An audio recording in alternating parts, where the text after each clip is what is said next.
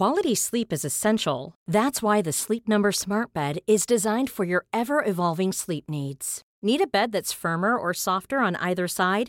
Helps you sleep at a comfortable temperature? Sleep Number Smart Beds let you individualize your comfort so you sleep better together. JD Power ranks Sleep Number number 1 in customer satisfaction with mattresses purchased in-store. And now save 40% on the Sleep Number limited edition Smart Bed for a limited time. For JD Power 2023 award information, visit jdpower.com/awards. Only at Sleep Number stores or sleepnumber.com. When you're ready to pop the question, the last thing you want to do is second guess the ring. At BlueNile.com, you can design a one-of-a-kind ring with the ease and convenience of shopping online. Choose your diamond and setting. When you find the one, you'll get it delivered right to your door. Go to BlueNile.com and use promo code LISTEN to get $50 off your purchase of $500 or more. That's code LISTEN at BlueNile.com for $50 off your purchase. BlueNile.com code LISTEN. Systrarna Elvstrands hästpodd är producerad av Mediahouse by RF. Hej allihopa! Nu är det dags att dra igång sjunde avsnittet av systrarna Elvstrands hästpodd. Och det här är en väldigt speciell, eller det är ett väldigt speciellt avsnitt för oss. För vi kommer nämligen ha vår absolut första gäst i podden. Mm, det stämmer och vi kommer ha fler gäster i framtiden för vi tycker det är väldigt kul att kunna bjuda in andra som har andra erfarenheter än oss inom ridsporten. Och vår första gäst i podden det är den före detta fälttävlansryttaren Therese Häggsjö som också är vår före detta tränare i hoppningarna. Ja, och detta var ju då när hon var aktiv inom ridsporten, vilket hon inte är idag. Och eh, vi ska ta och prata med henne dels om hur hon la upp sin livsstil när hon var som mest aktiv, för hon har ju ändå tävlat på hög nivå Mm. i både fälttävlan och hoppning. Hon eh, har jobbat som mäklare ja, jättelänge och gör det fortfarande.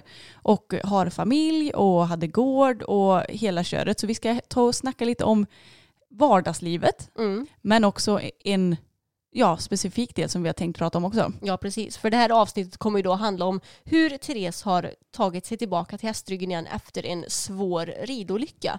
Och jag tror och hoppas att många kommer tycka att det här är väldigt inspirerande för jag vet att jag själv har blivit väldigt inspirerad av Therese efter den här händelsen. Innan också såklart. Men det är väldigt imponerande den resan hon har gjort. Verkligen, och Therese är överlag en väldigt inspirerande och motiverande person som har, eh, ja men hon har ju hjälpt oss från att vara hopprädda till att faktiskt få lite självförtroende i hoppningen. Och eh, det har vi henne att tacka för.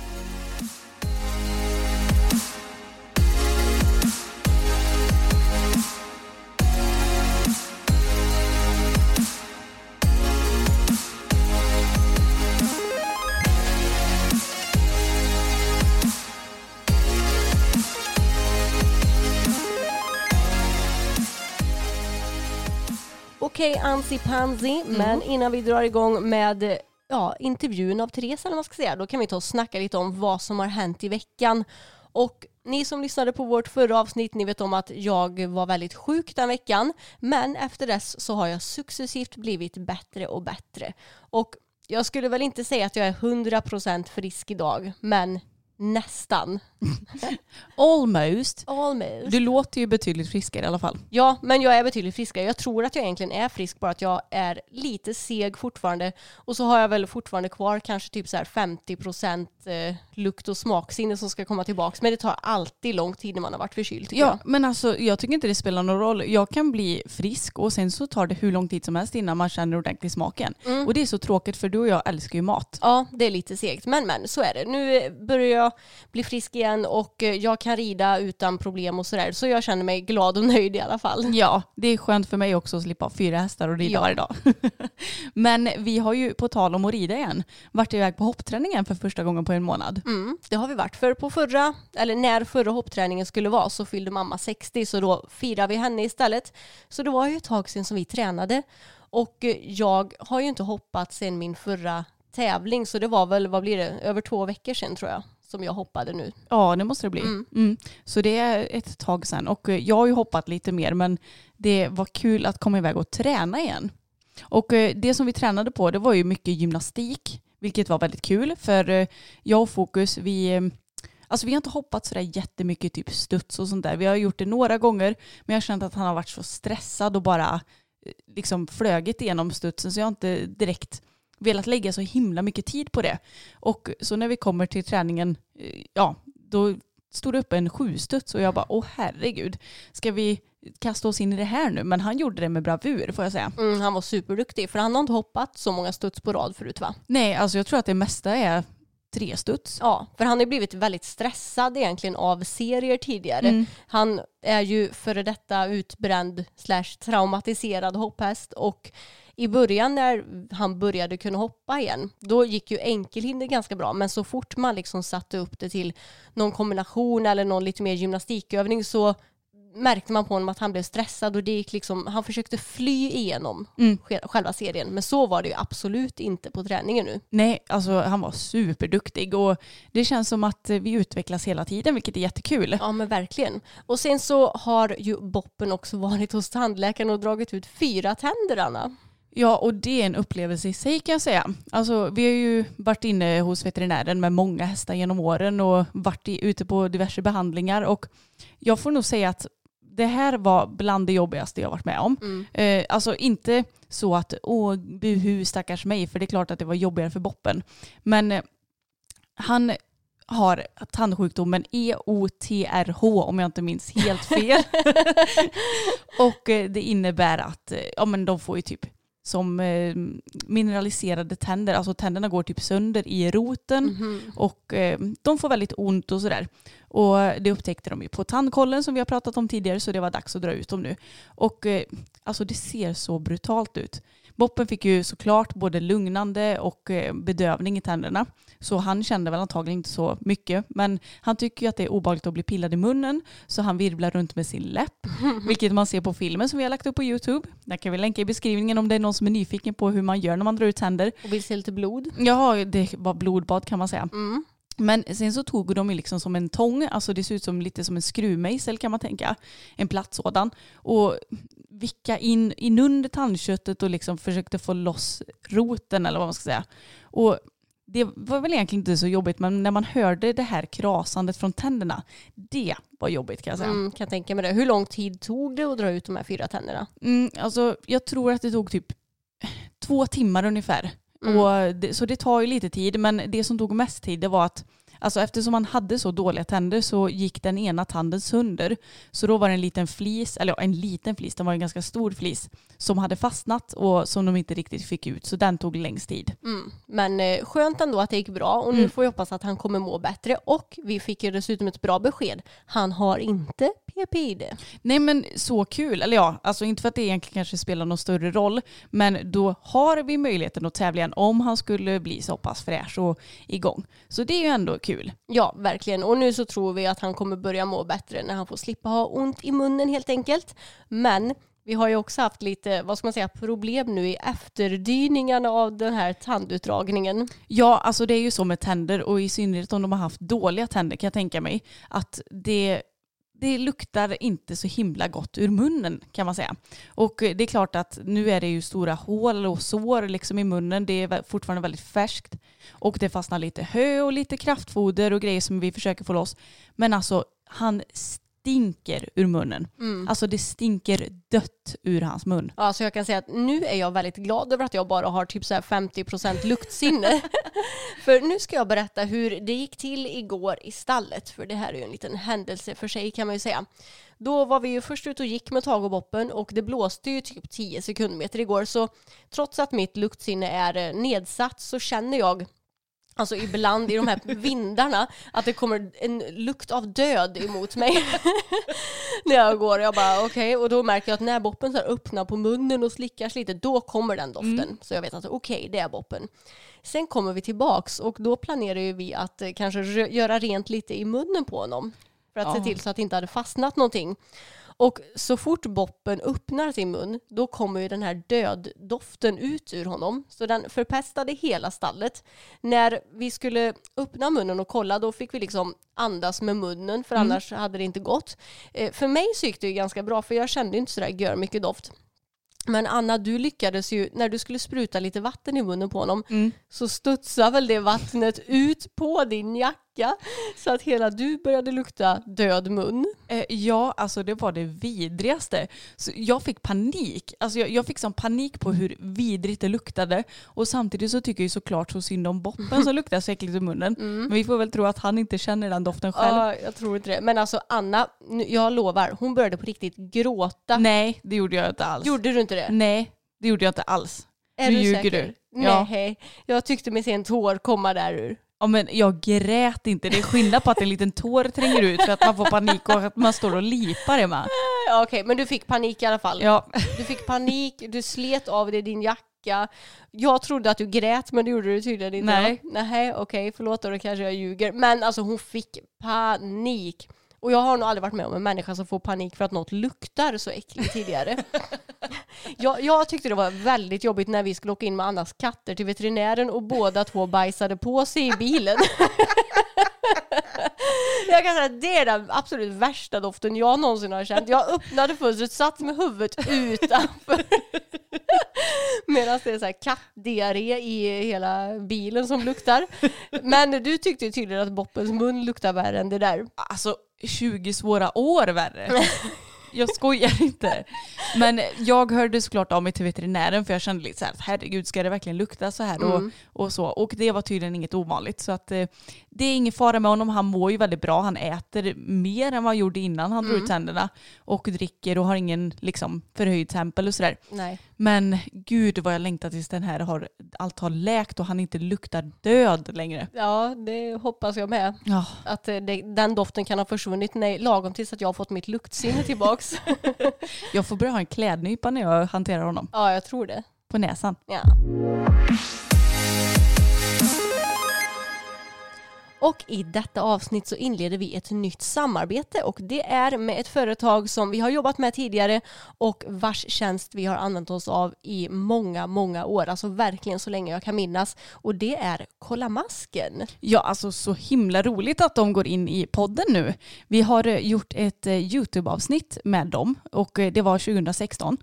Så vi länkar det i beskrivningen för där visar vi lite mer deras tjänst. Men Kolla Masken erbjuder parasitkontroller för ditt djur. Och det är inte bara för hästar som vi ju tar hjälp av utan även för smådjur, får, get och nöt.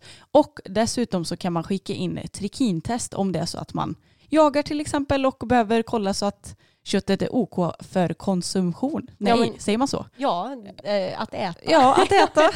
ja, och när det kommer till träckprov då, kort och gott så går det till som så att du lägger hästens bajs i en påse och på den här påsen skriver du hästens namn så att man vet vilket bajs som ligger i vilken påse. Du fyller i hästens uppgifter på ett papper och sen så postar du allting till Vidilab som då analyserar hästens bajs för att se om det finns några parasiter i det och i så fall vilka. Och Vidilab det är ju då företaget som erbjuder tjänsten Kolla masken och det är Sveriges ledande laboratorium när det kommer till parasitanalys av träckprov. Och när du tar träckprov på ditt djur så får du allt material som du behöver ifrån Kolla masken och allt betalas i förväg vilket jag tycker är väldigt smidigt och eh, dessutom så får du alla instruktioner i provlådan som du får hem. Och det som är viktigt att tänka på det är att när du behöver ta en odling eller extra analyser för att utesluta vissa parasiter så ser du till att beställa hem rätt paket. Och eh, all info om detta finns på Kolla Maskens hemsida så att eh, man vet vad man klickar hem liksom. Ja men exakt. Och nu är det ju vår och under våren så är det viktigast att ta träckbopestarna för då har larverna vaknat upp efter vintern och du får ett bra resultat på hur parasitsituationen ser ut i din flock och i din hage. Och då vet du vilka parasiter som din häst har haft i kroppen över vintern och som den då kanske behöver avmaskas för. Ja, och beroende på vilka parasiter som visar sig så kan du behöva göra andra åtgärder också. Och eh, därför är det väldigt viktigt att ta träckprov på till exempel nya hästar som kommer till anläggningen för att motverka parasitspridning. Och eh, det är viktigt att inte avmaska hästen i onödan och det är egentligen främst därför som Kolla masken finns. För att vi vill ju inte att maskarna ska bli resistenta så att det inte går att avmaska mot dem. Ja men exakt och eh, de gångerna som vi behöver avmaska så tar ju vi hjälp av veterinär som kan säga vilka hästar vi ska avmaska och vilket medel vi ska avmaska med. Ja, och i de kommande avsnitten så ska vi ta och prata lite om de olika parasiterna som kan finnas i hästarnas kroppar. Och det här tycker jag ska bli väldigt spännande för att det är kanske inte alltid som man riktigt vet så mycket om de här olika parasiterna utan man bara hör att ja men hästen har den lilla blodmasken eller liknande. Så vi ska grotta ner oss lite i de här äcklena. Ja, men det ska bli väldigt roligt. Och dessutom så ska vi gästas av en veterinär som pratar om sina tankar gällande parasiter och träckprov, vilket jag också tycker ska bli väldigt intressant. För det känns som att du och jag, vi har lite koll på vad veterinärer kanske tycker generellt, men nu får vi lite mer svart på vitt helt enkelt. Vi har dessutom en rabattkod att dela med oss av som ger 10% rabatt i Kolla Maskens webbshop och denna gäller fram till den 15 juni. Och med rabattkoden Elfstrand2020 får ni alltså 10% rabatt och där hittar ni ju som sagt alla olika paket med eh, ja, men diverse träckprover och vad ni nu behöver till era djur.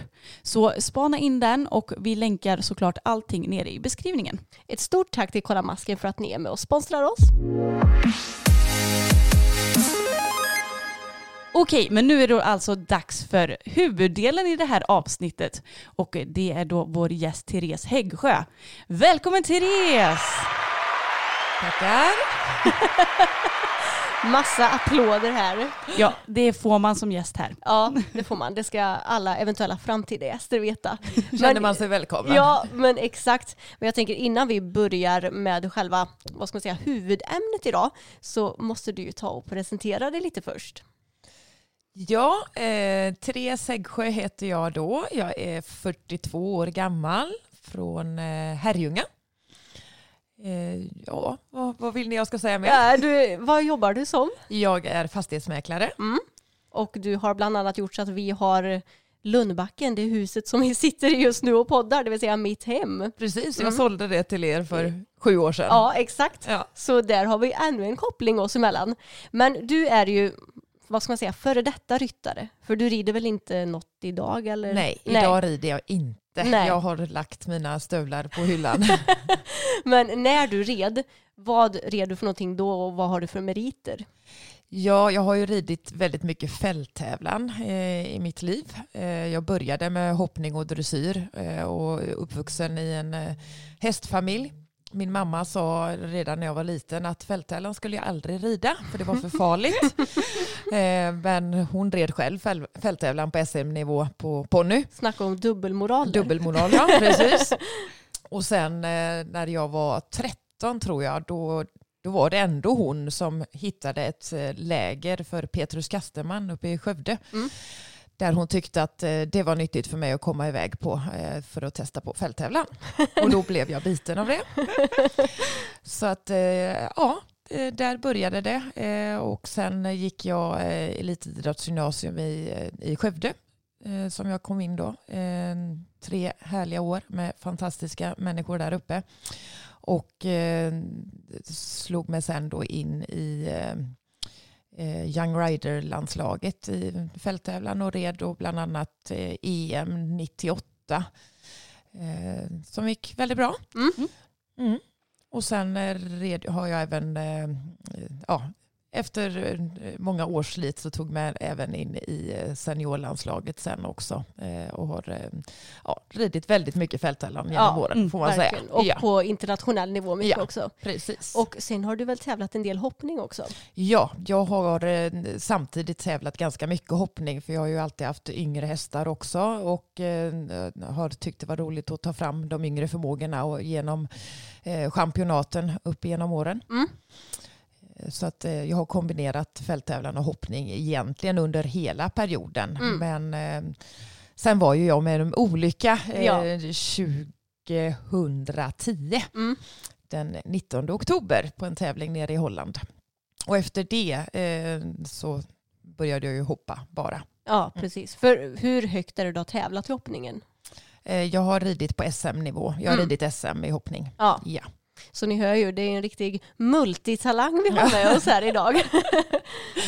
Ja men superroligt och eh, jag måste ju bara fråga dig Therese, för vi pratade lite om det innan jag är med i introt, att när vi tränade för dig så Ja. vet vi att du hade ganska så späckade dagar. ja. Kan inte du berätta en vanlig dag i Therese liv, ja, när typ 2013 eller vad kan det ha varit? Ja, något sånt där. 2012? Ja, eh, ja, det var, jag var, levde väl lite som en bonde. Eh, gick upp eh, klockan fyra varje dag.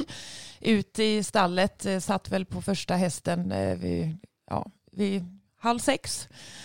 Eh, och eh, försökte då eh, få gjort eller ridit i alla fall minst två hästar varje morgon innan mitt jobb som mäklare. Så två eller tre hästar på morgonen Mm. och sen jobbar jag som mäklare hela dagen. Om det var någon lugnare period på dagen så kunde jag åka hem och rida en däremellan. Och då kan man ju ha en öronsnäcka i örat och ändå ta telefonsamtal och så vidare. Ingen som vet att jag sitter på hästen. och sen hem. Eh, oftast var det ju så att eh, det stod folk och väntade på mig för att, eh, för att rida och träna när jag kom hem. Och sen antagligen så hade jag en häst kvar att rida efter det. Ja. Mm. Och gärna en löptur efter det också. Ja, precis. Ja. Ja. Ja. ja men alltså helt galet. Hur orkade du? Ja, det, det undrar jag nu med. Ja. Eh, jag förstår inte det. Jag trodde ju att jag skulle ha all tid i världen nu. Mm. Eh, men det har ju liksom fortsatt. Eh, jag jobbar ju desto mer nu när jag inte rider. Mm. Men sen var jag ju tvungen att fylla det här eh, behovet på något sätt. Så jag började ju med att göra en... Det började med att jag skulle göra en tjejklassiker tillsammans med min syster och en kompis direkt efter jag började dra ner på hästarna eftersom jag måste fylla min tid med något. Men eh, vi började med, eh, det var väl Lidingöloppet vi började med, men då tyckte vi att äh, det var så klent så vi, vi dubblerade istället. Vi körde tjejklassiken och den vanliga klassiken samma år istället. Vi tog allting med en gång. Åh herregud. Och det här betyder alltså att du är extremt vältränad också kanske? Ja, hy hyggligt eh, tränad är jag nog. Ja, alltså det är helt galet. Och Therese har ju dessutom familj kanske man ska tillägga också. Ja, Så ja. ja. ni förstår ju verkligen fullt upp. Jag hade inte pallat det kan jag säga. Men sen så, vi pratade lite om att du också hade folk som väntade på dig hemma för att träna och Ja. vi har ju varit några av de människorna. Ja. Så vi måste ju nu veta, hur var det att träna oss? Sjukt kul. Allt kunde hända. Glada tjejer som man visste aldrig vad som kunde hända det träningspasset. Men eh, jag tror att vi både har skrattat och gråtit ihop flera gånger. Ja, gud Ja. ja. Lite så faktiskt. Ja. Mm. Och eh, vi har ju verkligen det att tacka för att, eh, ja, men för att vi hittade tillbaka till hoppningen. För vi var ju faktiskt väldigt rädda när vi började träna Ja. för dig. Mm. Mm. Det kommer jag ihåg. Ja. Och jösses vad vi ändå hoppat tillsammans efter det. Ja, verkligen. Det var tur att vi köpte boppen. Då, alltså när jag tränade för Therese så hoppade vi banor på kanske 1,30 innan jag skadade mig, som vi kan prata om i ett annat avsnitt. Eh, men jag tror aldrig att jag skulle kunna hoppa så högt, så det är ju tack vare all din hjälp. Det är kul att höra. På tal om ridskada då. Therese, du har ju varit med om en ganska ordentlig olycka. Ja. Och eh, vi vill gärna att du berättar vad som hände och, och hur du skadade dig och allt sånt där. Ja, eh, det var 19 oktober eh, var det. Eh, och vi var på en tävling nere i Holland. Eh, det var väl inför EM och det här var ju en satsning mot OS i London. Så att mycket av mitt liv och, och träning och allting kretsade kring den här satsningen mot OS i London. Och jag hade ju en häst som jag innan hade ridit på unghäst-VM och så vidare och vi visste att liksom han höll måttet och det här, det är liksom, vi går all in för det här. Och när man rider fälttävlan så är det ju, det är inte bara jag och min häst utan det är ju ett helt team runt omkring. Eh, jag har ju föräldrar som ställde upp i vått och torrt och fortfarande gör. Men de har ju verkligen varit en väldigt stor del av hela min resa. Eh, och eh, ja, på den här tävlingen i, Holland då så åkte vi ner, jag och mina föräldrar, konkade ner i lastbilen. Det var skitdåligt väder, rent ut sagt. Och på, i Holland så är det väldigt mycket lermarker kan man säga. Eh, och det var förhållandena var eh, urusla. Eh, och eh, när vi ja, är i princip längst bort på banan så försvinner underlaget eh, under oss och mm, när min häst eh, trampar av så hoppar han helt enkelt alldeles för lågt så han krokar i Eh, och det blir alltså ett rotationsfall så att eh, han roterar, jag trillar av och han eh, ja, ramlar på mig. Ungefär 700 kilo. Mm.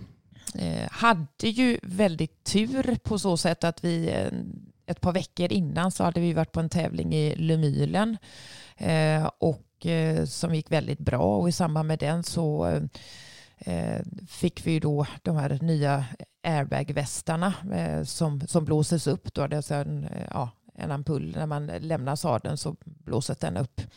Så jag hade ju den på mig och antagligen var det ju den som räddade mitt liv. Mm. Så det var, ja, mamma löste den till mig innan. Mm. Så att, eh, ja, det är mycket att tacka där. Eh, Men det gick alltså eh, ganska illa får man säga. Och det visade sig väl sen då att jag hade då, ja, krossat bäckenet, armen var av, ja, reben, punkterad lunga. Ja, jag, jag var inte mycket att ha därefter helt enkelt. Nej. Men jag tänkte på det, när, precis när du hade ramlat av, alltså när du låg där, Ja. var du, för, för det första, var du vid medvetande då? Nej, jag tuppade nog av lite först, Mm. eh, men sen eh, vet jag att jag kvicknade till och skulle försöka flytta på mig, men Mm. jag kunde inte röra mitt ben, så Nej. då insåg jag att det här är illa och då hängde den över mig. Och jag hade ju varit med om tävling på en uh, unghäst för några veckor tidigare hemma i Sverige. Eh, där mina föräldrar inte kunde komma i kontakt med mig, visste inte vad som hade hänt. Så att jag började, och det kom upp i min skalle, så jag började rabbla min mammas telefonnummer. Mm. För jag tänkte, de måste ju bli kontaktade. Så jag låg bara och rabblade hennes telefonnummer.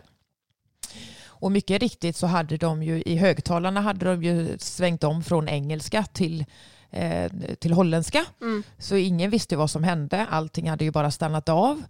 Och på tv-skärmarna så såg ju bara folket att den engelska förbundskaptenen gick och ledde min häst. Så det såg man ju att han, han mådde ju bra. Mm. Men ingen visste ju hur det var med mig. Nej.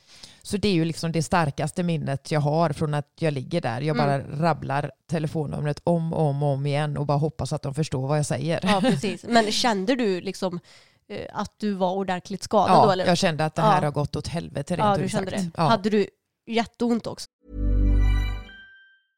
How would you like to look five years younger? In a clinical study, people that had volume added with Juvederm Voluma XC in the cheeks perceived themselves as looking five years younger at six months after treatment. Look younger, feel like you. Add volume for lift and contour in the cheeks with Juvederm Voluma XC. Reverse signs of aging by adding volume to smooth laugh lines with Juvederm Volure XC. For important safety information and to find a licensed specialist, visit juvederm.com. That's J U V E D E R M.com. Not for people with severe allergic reactions, allergies to lidocaine, or the proteins used in Juvederm. Common side effects include injection site redness, swelling, pain, tenderness, firmness, lumps, bumps, bruising, discoloration, or itching. There's a risk of unintentional injection into a blood vessel, which can cause vision abnormalities, blindness, stroke, temporary scabs, or scarring. Talk to a licensed specialist to find out if it's right for you.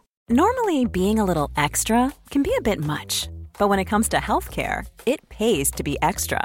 And United Healthcare makes it easy with Health Protector Guard fixed indemnity insurance plans. Underwritten by Golden Rule Insurance Company, they supplement your primary plan, helping you manage out of pocket costs without the usual requirements and restrictions like deductibles and enrollment periods. So when it comes to covering your medical bills, you can feel good about being a little extra. Visit uh1.com to find the Health Protector Guard plan for you.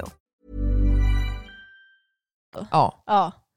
så att, eh, ja, eh, ja, så fruktansvärt Mm. ont. Ja.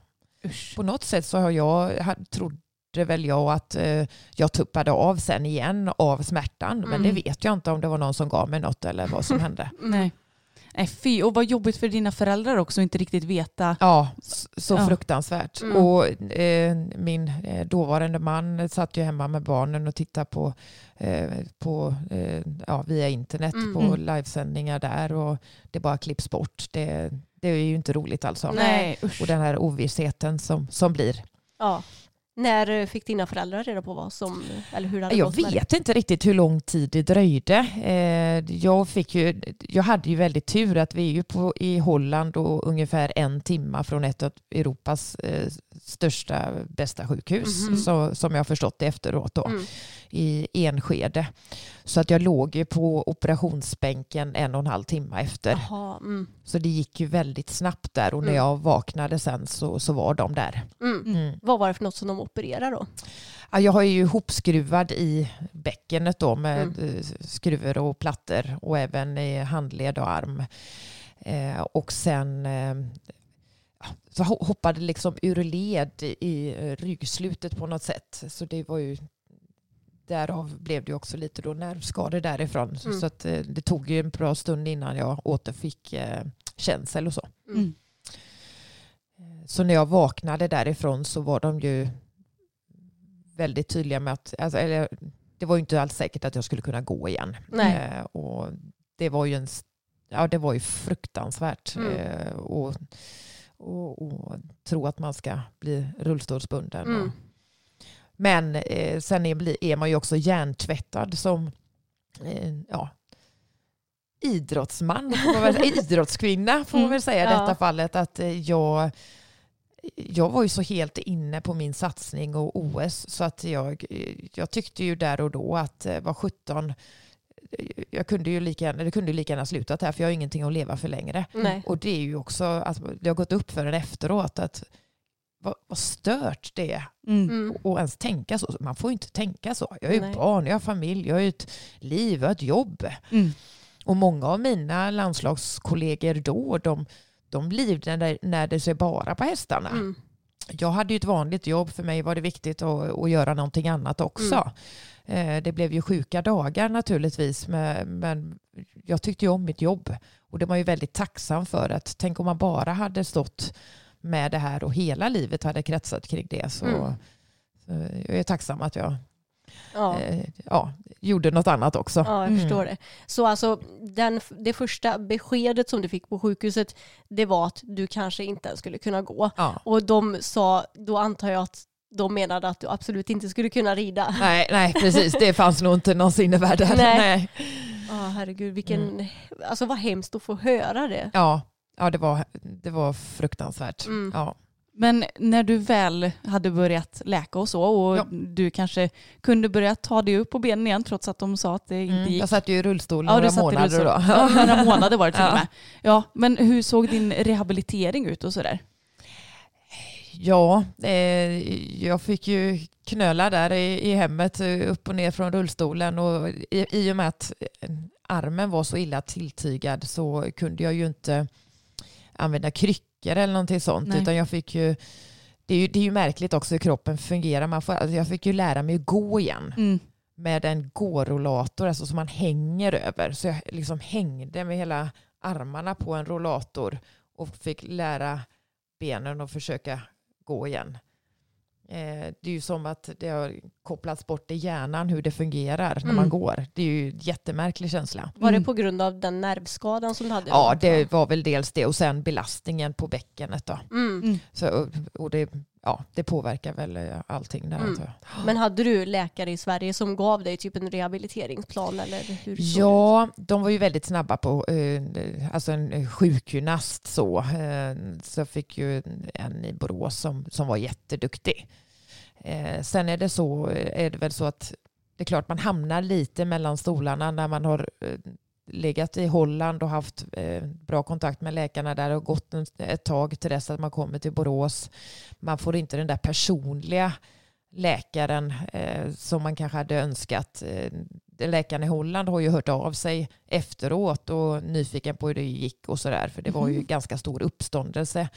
Eh, det blåstes ju upp rätt eh, stort i Holland då. Eh, och han, eh, han har ju hört av sig men det har ju inte, i, i Borås fick jag ju aldrig någon personlig läkare så.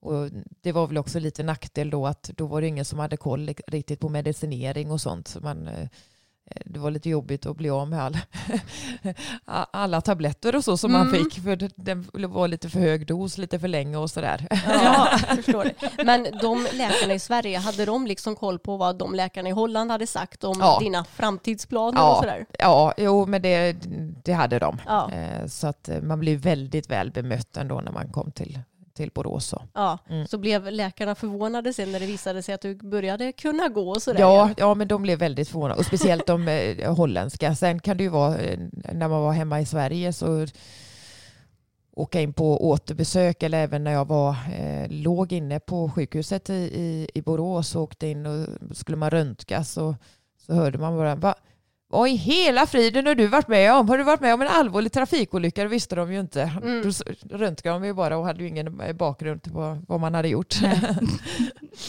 ja. Eh, Så att, ja, det var en resa. Mm.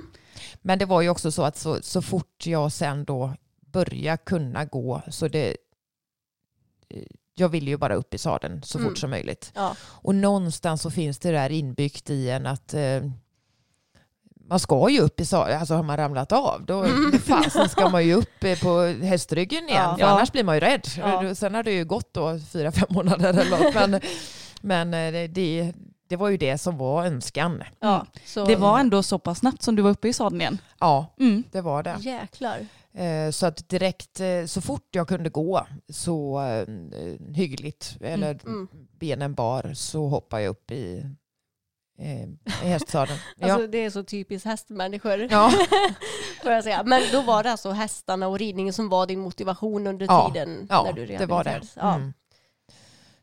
Det var det, absolut. Hur Och sen- var första ridpasset då?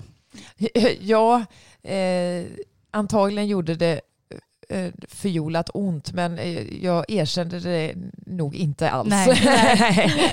jag var nog mest lycklig för att, eh, för att det gick. Ja, det Men jag. eh, jag minns ju när du gick på kryckor och sådär, för Ja. då hade du fortfarande träningar för oss. Alltså när började du ha träningar igen efter att du hade varit skadad? Det var ganska snabbt ändå vill jag minnas. precis. Det var ju knappt när jag... Jag vet att jag hade träningar även när jag satt i rullstol. Ja. Ja.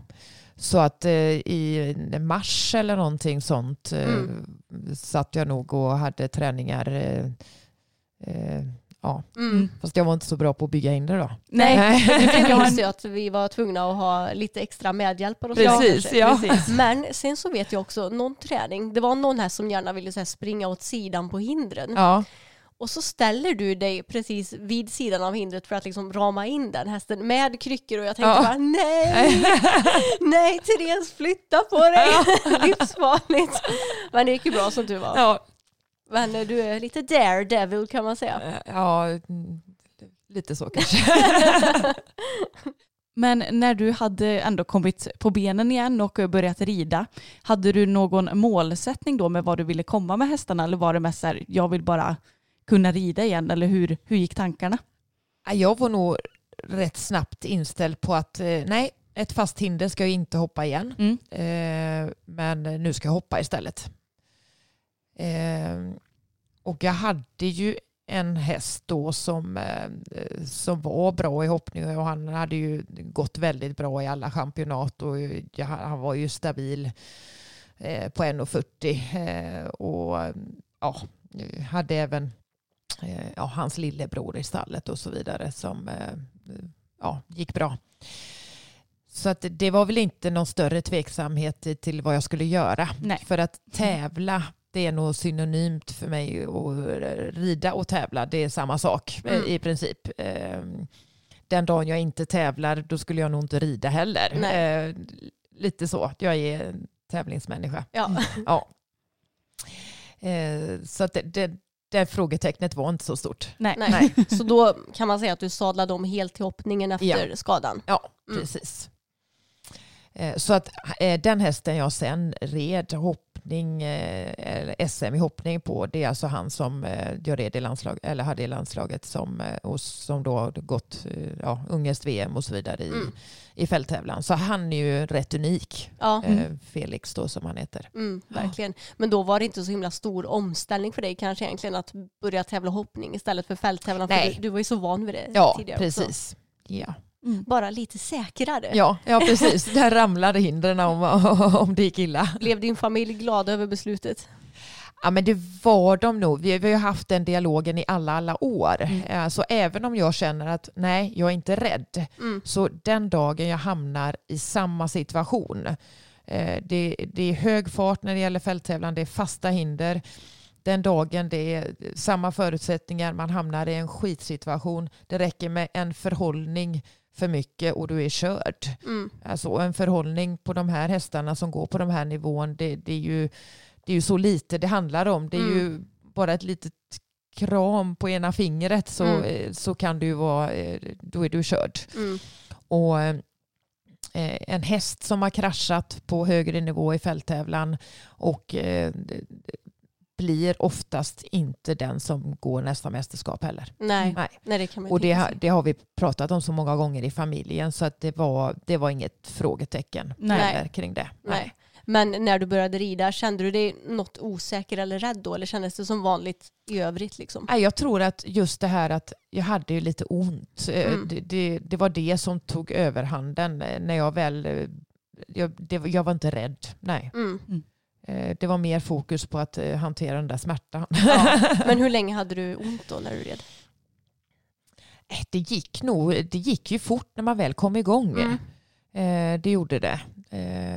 Och jag vet ju att allt gick ju väldigt fort när jag, när jag väl, man gav sig den på det och samtidigt så finns det väl någonstans där också att äh, jag ska bevisa, jag ska visa att jag kan. Mm. Det finns liksom inbyggt i en och, och jag vet att första tävlingen som jag skulle göra efter olyckan då i efterhand så förstår jag inte riktigt varför jag skulle eh, åka dit. Men vi, första tävlingen blev liksom eh, Norrköping Horse Show Mm. eh, och lilla rundan där. Eh, och jag åkte dit med, med, med min hästskötare då som, som hjälpte mig. Och, eh, och bara komma dit, det var, så, det var så skönt. att bara komma dit, bara vara i miljön.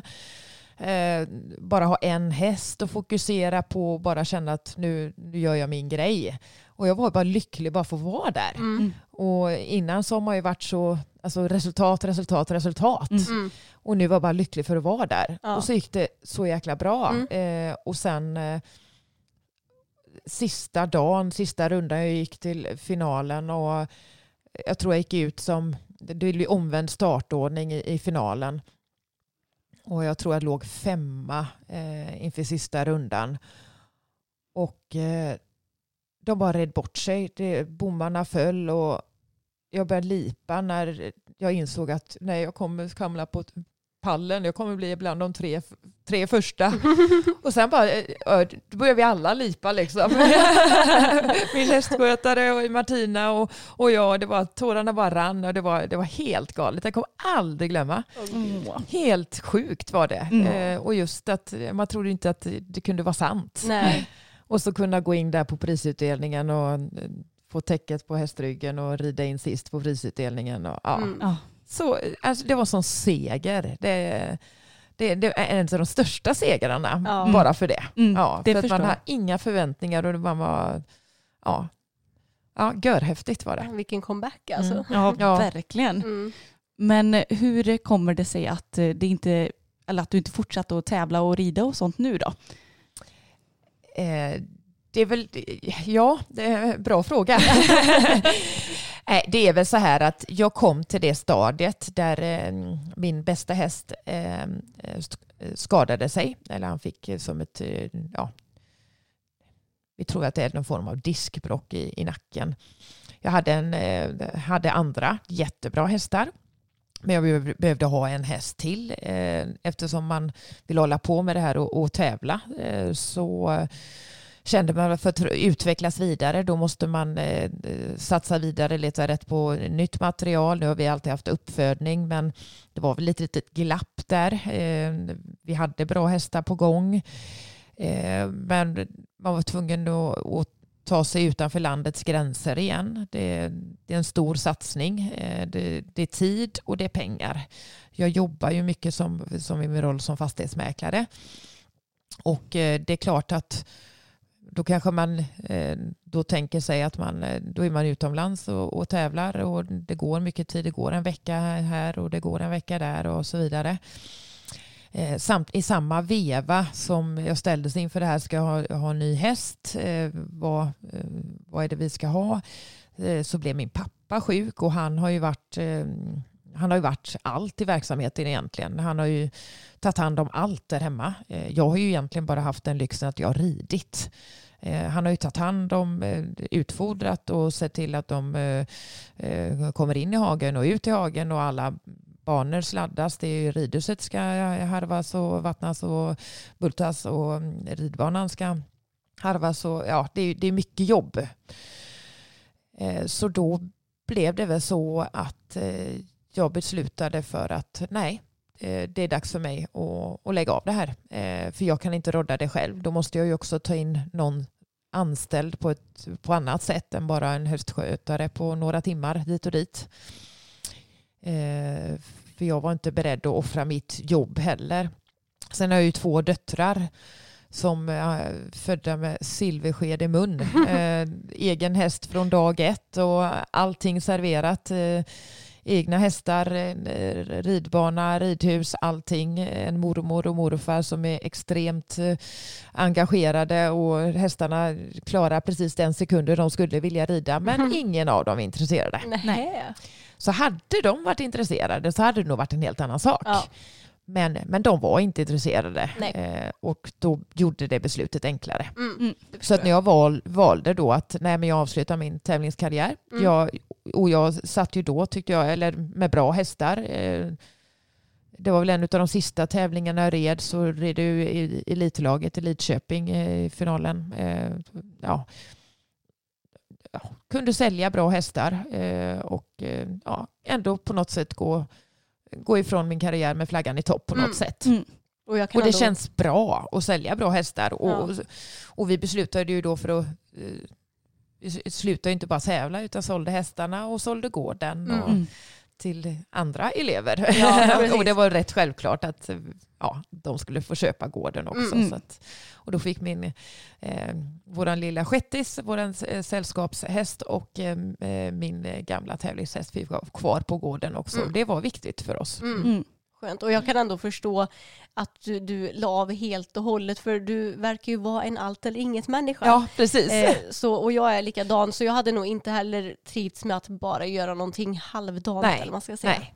Så jag var helt, eh, alltså att få bara rida ut i skogen någon gång ibland eller någonting, det var inte min grej. Nej, nej. Och det, de hästarna jag hade var ju heller inte gjorda för det. Nej. De var ju tvungna att... Eh, men jag, jag vet att jag tyckte det var jättejobbigt att lyfta där det är inget självklart att lyfta tillsammans eller till sina föräldrar som har ställt upp på detta i alla år. De har ju gjort allt för detta. Det är ju deras liv. Mm. Och jag vet att jag tyckte det var så jobbigt. Men, men för deras del så var det så självklart också att den dagen jag inte tävlar så kommer jag inte rida heller. Mm. Och det, de, det sa de, mamma sa det att hon vetat sedan, sedan jag var sju, åtta år. Mm. Eh, så är det bara. Ja. ja. Alla är vi olika. Ja. Okej, men till sist här nu då Therese, så undrar jag om du har några tips till andra som kanske ja, men antingen är med om en ridolycka eller bara är med om en läskig händelse med hästarna eller sådär. Om du har några tips till hur man kommer tillbaka och hur man får tillbaka sitt självförtroende och, och lite sådana allmänna tips. Ja, bra, bra fråga, men det är väl så att eh, som jag sa, upp, upp på hästryggen eh, snabbt igen. Mm. Så, så, är det ju. Mm. Eh, och sen eh, aldrig ge upp. Ingenting är omöjligt. Eh, så är det. det. Man kan göra så mycket mer än vad man tror. Eh, helt övertygad om att, och att det också genomsyrar väldigt mycket i, i livet oavsett om det är hästar eller jobb eller ja, vad som helst. Mm.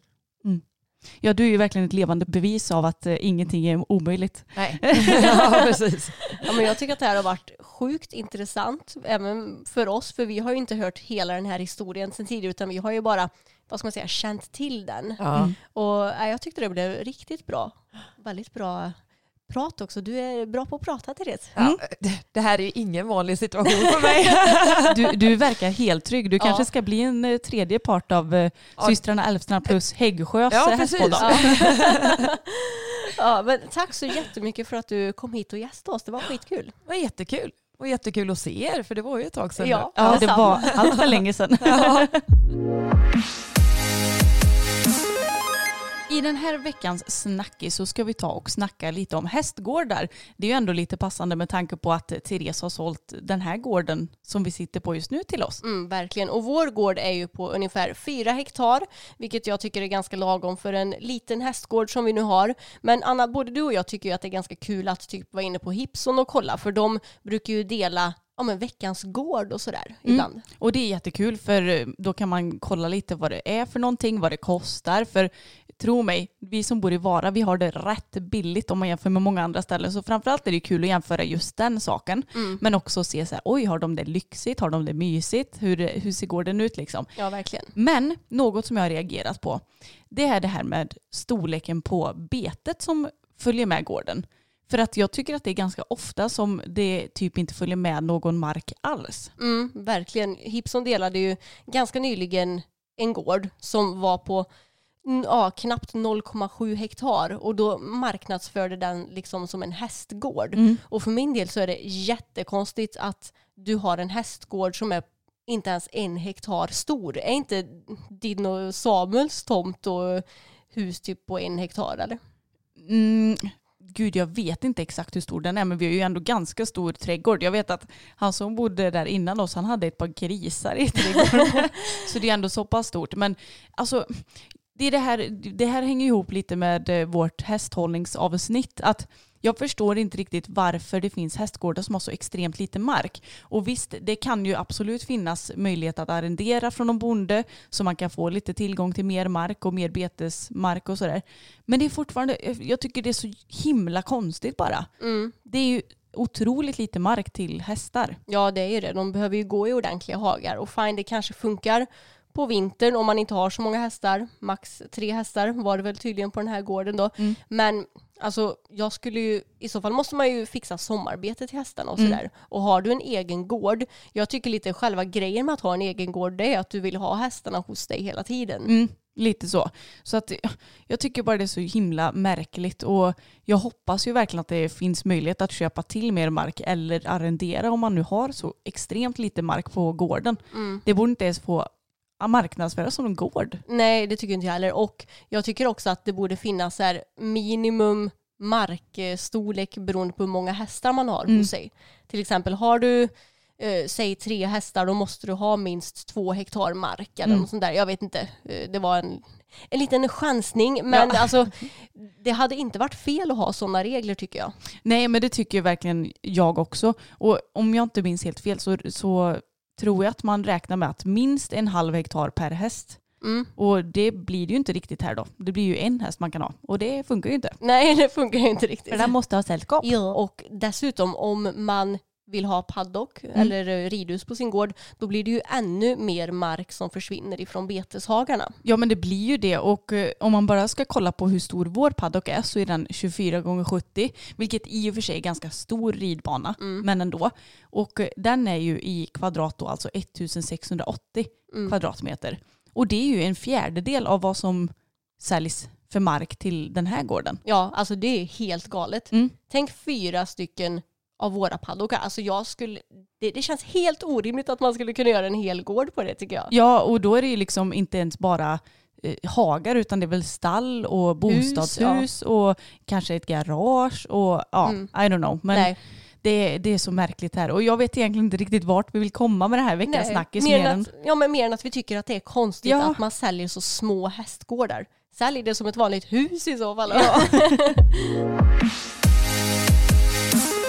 Ja men Anna, då var dagens avsnitt avklarat och jag tycker att det blev jätteintressant och det var superkul att prata med Therese igen. ja, jag håller verkligen med och eh, vi vill ju som sagt ha fler gäster i framtiden så har ni lite önskemål får ni jättegärna komma med dem och eh, ni kan ju antingen bara ja, men skicka en kommentar på Instagram eller sådär. Det är ju kanske egentligen enklast att bara slänga in en kommentar på Instagram. Ja men jag tror det. Och all information om det vi har pratat om i det här avsnittet det hittar ni såklart i beskrivningen. Och glöm inte heller bort att följa oss på Instagram för där heter vi systrarna Elfstrand och där lägger vi upp lite poddrelaterade ämnen ibland både i story och i vårt flöde. Precis. Och sen vill vi också skicka ett tack till Kolla Masken och såklart ett stort tack till Therese Häggsjö som ändå har varit stjärnan i det här avsnittet. Ja verkligen. Hörni, vi syns igen nästa tisdag. Ha det så jättebra fram tills dess. Hej då! Hej då!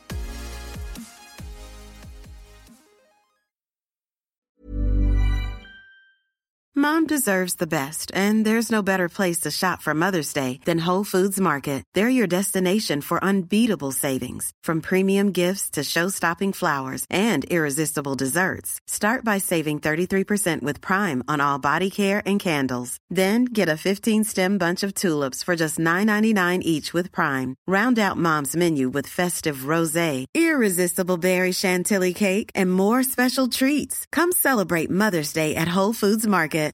Imagine the softest sheets you've ever felt. Now imagine them getting even softer over time. That's what you'll feel with Bowl and Branch's organic cotton sheets. In a recent customer survey, 96% replied that Bowl and Branch sheets get softer with every wash. Start getting your best night's sleep in these sheets that get softer and softer for years to come. Try their sheets with a 30-night guarantee. Plus, get 15% off your first order at bowlandbranch.com. Code BUTTERY. Exclusions apply. See site for details.